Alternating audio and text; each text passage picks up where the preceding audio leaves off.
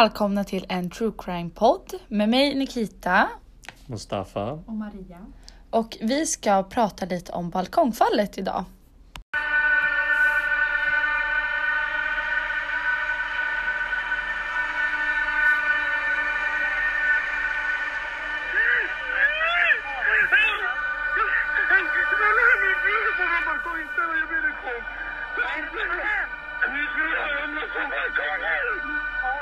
Hon ramlat ifrån balkongen?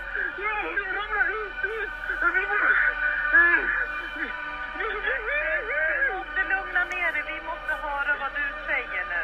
Är det en kvinna som har ramlat ifrån balkongen? Hon har ramlat ifrån sjätte våningen. Ja, vi ska, vi ska komma och hjälpa dig.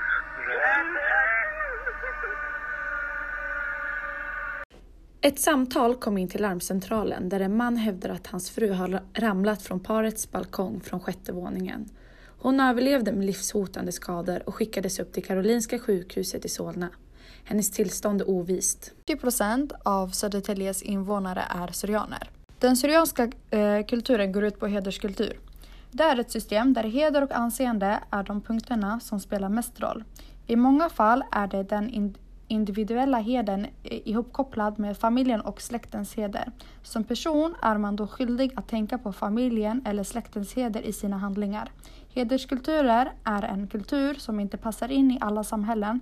Till exempel passar hederskulturen inte in i sekulära individualiserade samhällen.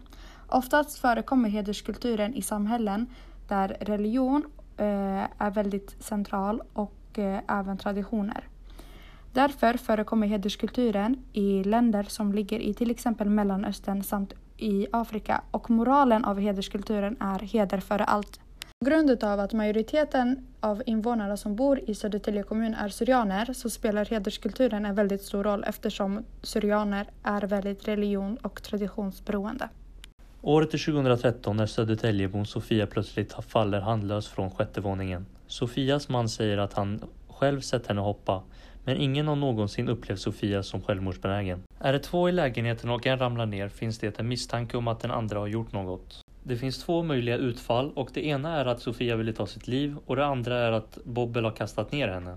Men ingen vet 100% vad som har hänt förutom de själva. Enligt förundersökningen var Sofia och Bobel väldigt kära i varandra och lyckliga tillsammans. De planerade att åldras ihop. Dagen då deras son föddes var den lyckligaste dagen i hennes liv. Hon och Bobel var väldigt stolta över deras son och deras glädje över honom fördelades över familjen.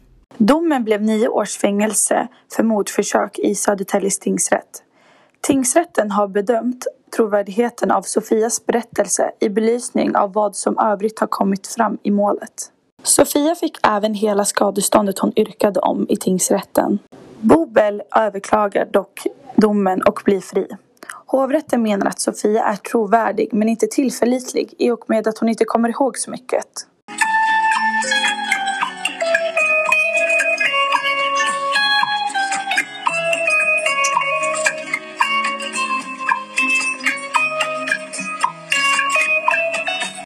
Sofias familj var inte nöjda av domen från hovrätten och bestämde sig att ta igen detta fall på egen hand. För att målet skulle tas upp i Högsta domstolen och leda till en dom som fäller Bobel krävdes en ny bevisning, vilket man såg att det var brister på i den första förundersökningen som gjordes av polisen.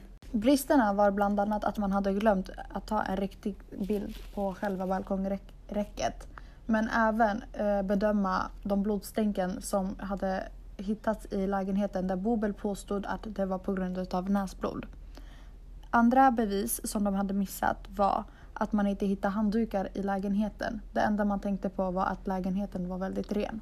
Utifrån en fallstudie som utfördes i den andra förundersökningen kom man fram till att fallet var på 13 meter och att hon hamnade 2 meter från byggnadsfasaden. För att hamna där hon föll krävs det antingen extrema akrobatiska kunskaper eller en annan kraft. Efter andra förundersökningen kan man konstatera att bevisen mot Bobel är så pass starka att han blev fälld i Högsta domstolen. Efter de nya bevisen som förekommer i den nya undersökningen så kan man eh, konstatera att Bobel även har misshandlat Sofia. Och med de bevisen kan Bobel nu dömas för eh, nio år för mordförsök men även fem år för grov misshandel. Domen ligger nu på att Bobel ska sitta inne i svensk fängelse i cirka 14 år.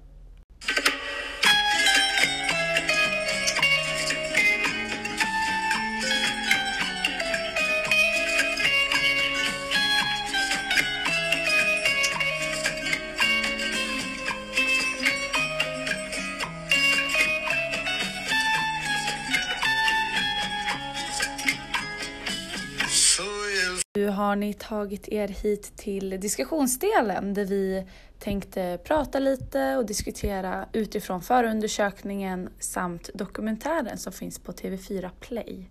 Så det är bara att hänga med. Någon som har en avgörande roll i domen är faktiskt ett vittne som träder fram. Hen har faktiskt hört Bobel och Sofia bråkat innan Sofia slängs över balkongen.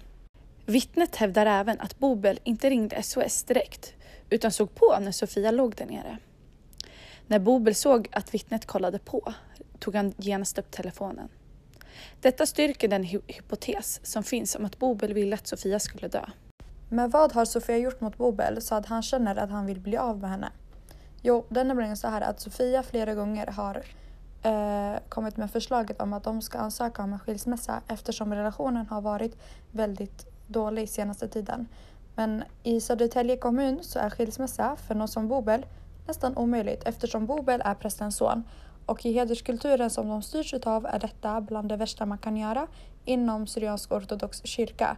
Alltså att prästens son skiljer sig från sin fru när de även har ett barn ihop.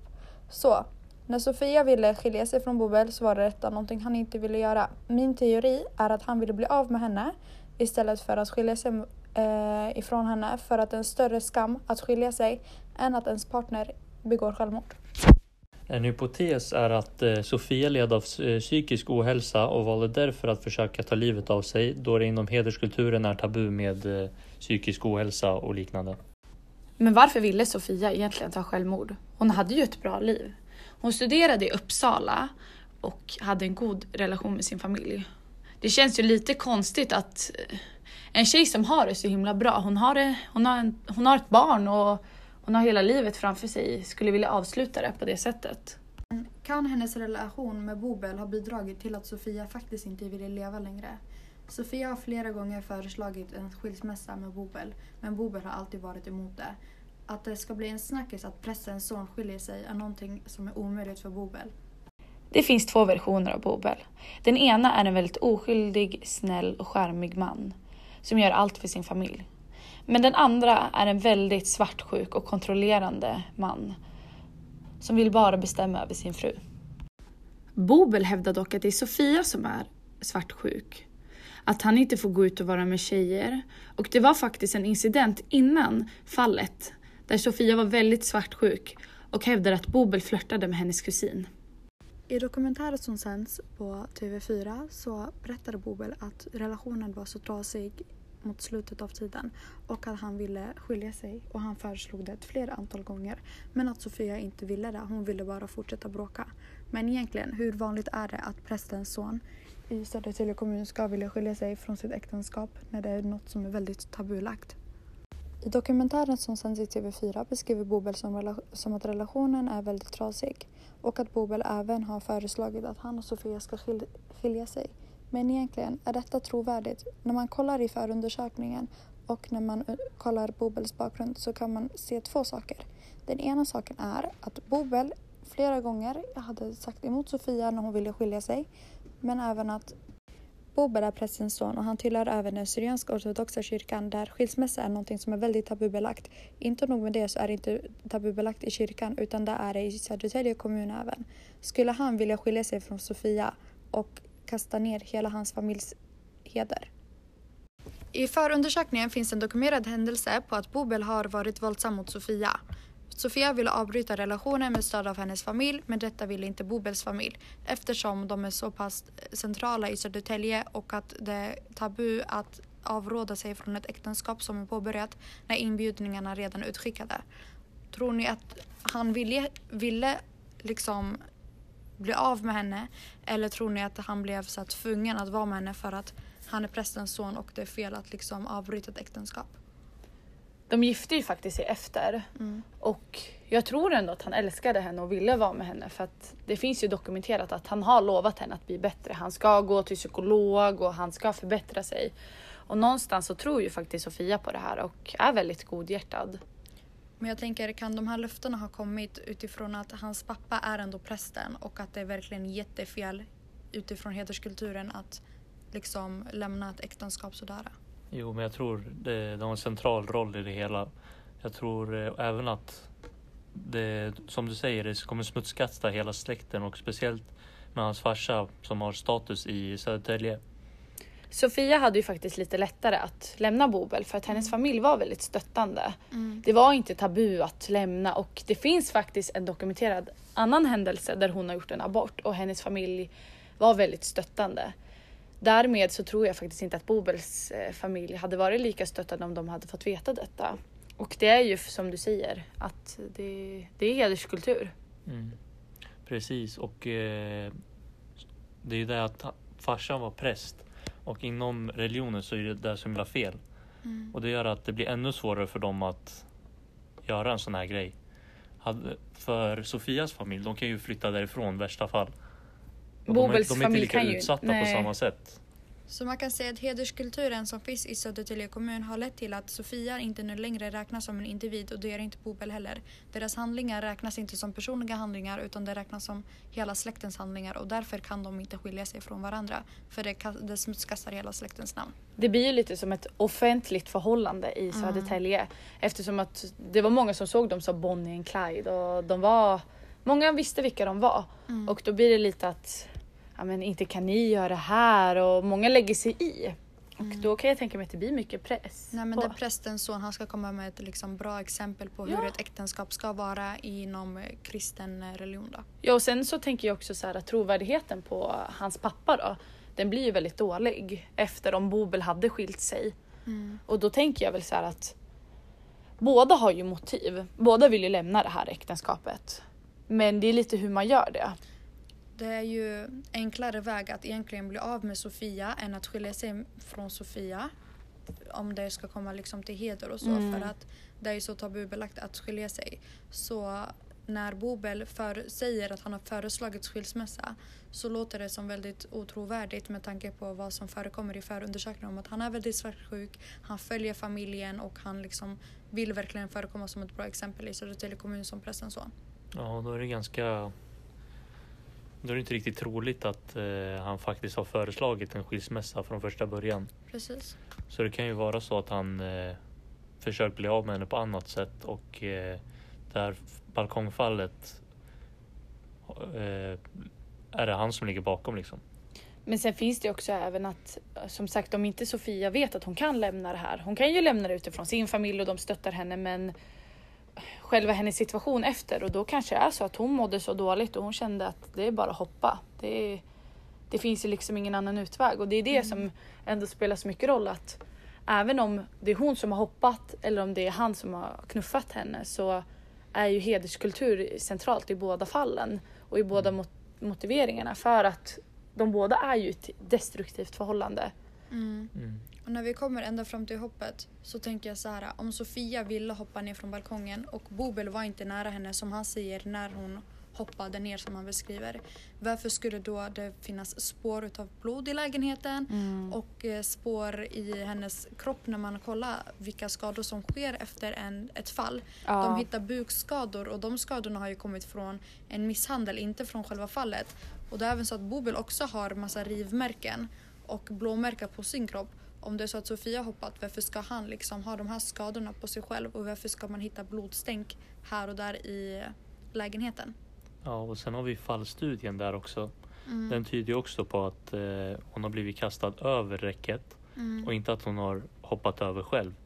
Precis. Nej, precis. Och det är liksom hon var väl ändå ganska liten. Alltså jag tror inte att hon kan hoppa själv så.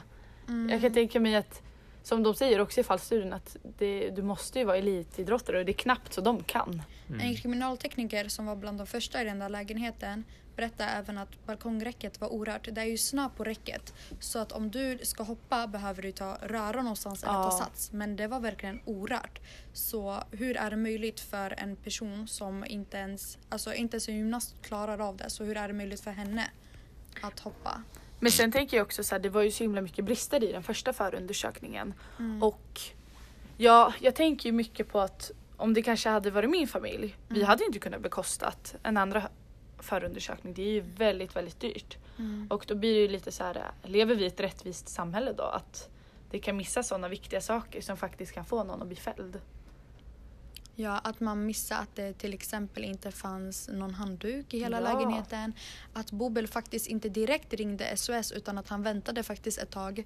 Eh, att han sprang upp och städade lägenheten och sen alltså, ringer upp SOS Mm. när han har blivit eh, Påkommen. påkommen. Ja precis och det är det lite att det är ju så mycket missar i det här fallet och det är säkert därför de tog upp det i högsta domstolen för att de såg väl att det är, det är mycket som inte stämmer och det behövs göras en förändring för det är oftast då det tas upp i högsta domstolen när de, Precis. när de känner att det, det behövs eh, brytas av lite. När man hittar ett blodstänk i köket som han beskriver kommer från näsan då hon hade näsblod.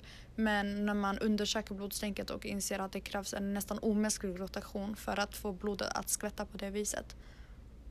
Mm. Då märker man att något är fel. Sen har vi även blodstänket i badrummet som eh, diskuterades. Mm. De, eh, enligt studier så kommer de från eh, sparkar eftersom att Mm. eller om man, ska, ja, ja. om man kollar på hur stänket hade träffat väggen där. Det behövs ju en väldigt... Kraftig rotation Ja. för att man ska kunna... Och då har ju liksom, då har ju han misshandlat henne. Och han hävdar ju att blodet på sig själv, ja, men det är för att han har försökt bära upp henne. Men det här vittnet säger ju att han har inte ens varit i närheten av henne. Han har ju bara kollat, kollat på när hon har legat där. Flera meter ifrån Ja. till och med. Och Ja. eh, när han blev på, eh, påkommen av vittnet det var ju då han började ta upp telefonen och började ringa. Men han gick ju aldrig fram till henne. Jag tänker en orolig kärleksfull man hade väl frågat polisen och ambulansen när han var på väg till psykakuten. Hur är det med min fru? Lever hon? Men det förekommer inte någon dokumenterad eh, fakta på att han någonsin har liksom frågat om hur hon har det efter fallet. Nej, ja, det känns som att han, eh, han var så upptagen med att försöka dölja allting och tänka på vad han ska säga Mm. för att dölja hela händelsen. Men han är ju väldigt charmig och han är ju väldigt bra på att prata så att jag tror att han har säkert skärmat in poliserna där lite. Mm. Och, eh, men det var ju för den här förundersökningen som att han blev fälld. Men han flydde ju till Turkiet så att Mm. Han är ju... Nu är han faktiskt fälld och han sitter ju i fängelse. Men han var ju på fri fot väldigt länge i Turkiet. Ja, det här hände ju ändå 2013. Och han är ju turkisk medborgare som sagt och Turkiets och Sveriges relation med brottslingar är inte så bra.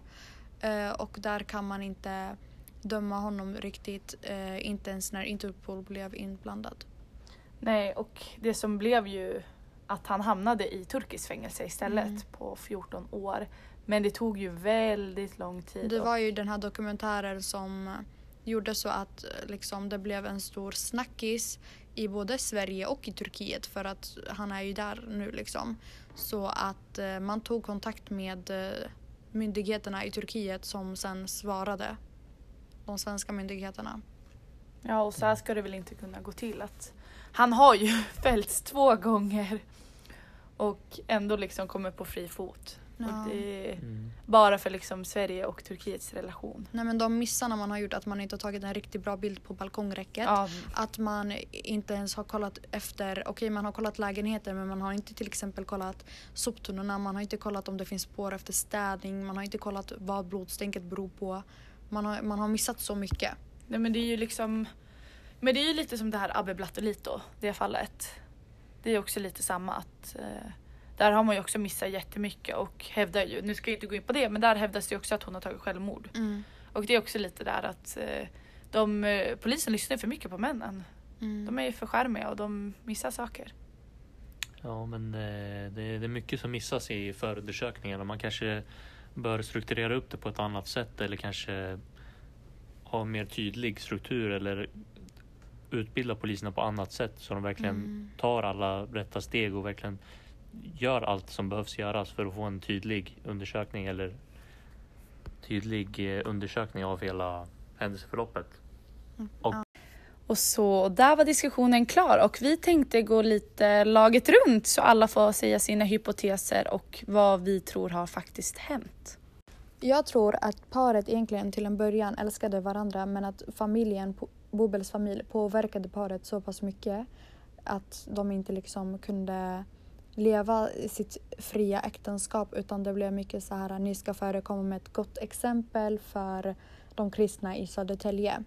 Sen att Bobel har valt att bli av med henne, det kan jag ändå förstå på ett sätt när jag tänker på vilken kultur han kommer ifrån, vilken press han har i, alltså över sina axlar. Eh, med tanke på att hans pappa är präst och hur tabubelagt det egentligen är att vilja skilja sig. Så att han tar det som en utväg, okej min fru tog sitt liv istället för att skilja sig är en enklare väg för honom. Sen tror jag inte han någonsin hade tänkt så här ah, hon kommer överleva det fallet. Med tanke på att hon var eh, hon var inte medveten eh, vid vad som skedde redan innan hon föll. Hon beskriver det som att hon kände rotationer och att hon, hon hade Eh, blackouts eftersom de hade en, eh, ett bråk och sen efter bråket skedde misshandeln. Så jag tror det blir så här eh, enklast för honom att egentligen bara bli av med henne, städa lägenheten och sen ringa och försöka få det att låta som ett självmordsfall. Liksom. Ja, jag tror ju som Maria, men jag tror faktiskt att Bobel gjorde det här lite impulsivt. För att han beskrivs ju som en väldigt impulsiv person som har svårt med aggressioner och gör saker lite hastigt. Jag tror att han älskade Sofia, men att han visste att hon ville skilja sig och hade den pressen på sig. Jag håller med de andra och jag tror eh, att motivet bakom det hela är själva skilsmässan som är så pass tabubelagt. Men eh, själva fallet tror jag beror på en konflikt som eh, har skett mellan dem. Där han har misshandlat henne och sedan har hon antagligen svimmat eller något. Då har hon blivit stressad och kastat över henne på, från balkongen. Det är min teori. Det här är våra egna personliga tankar och teorier. Som sagt vet ingen vad som har hänt i lägenheten förutom de två som befann sig i lägenheten, alltså Bobel och Sofia. Med det sagt vill jag säga tack så mycket för att ni lyssnade.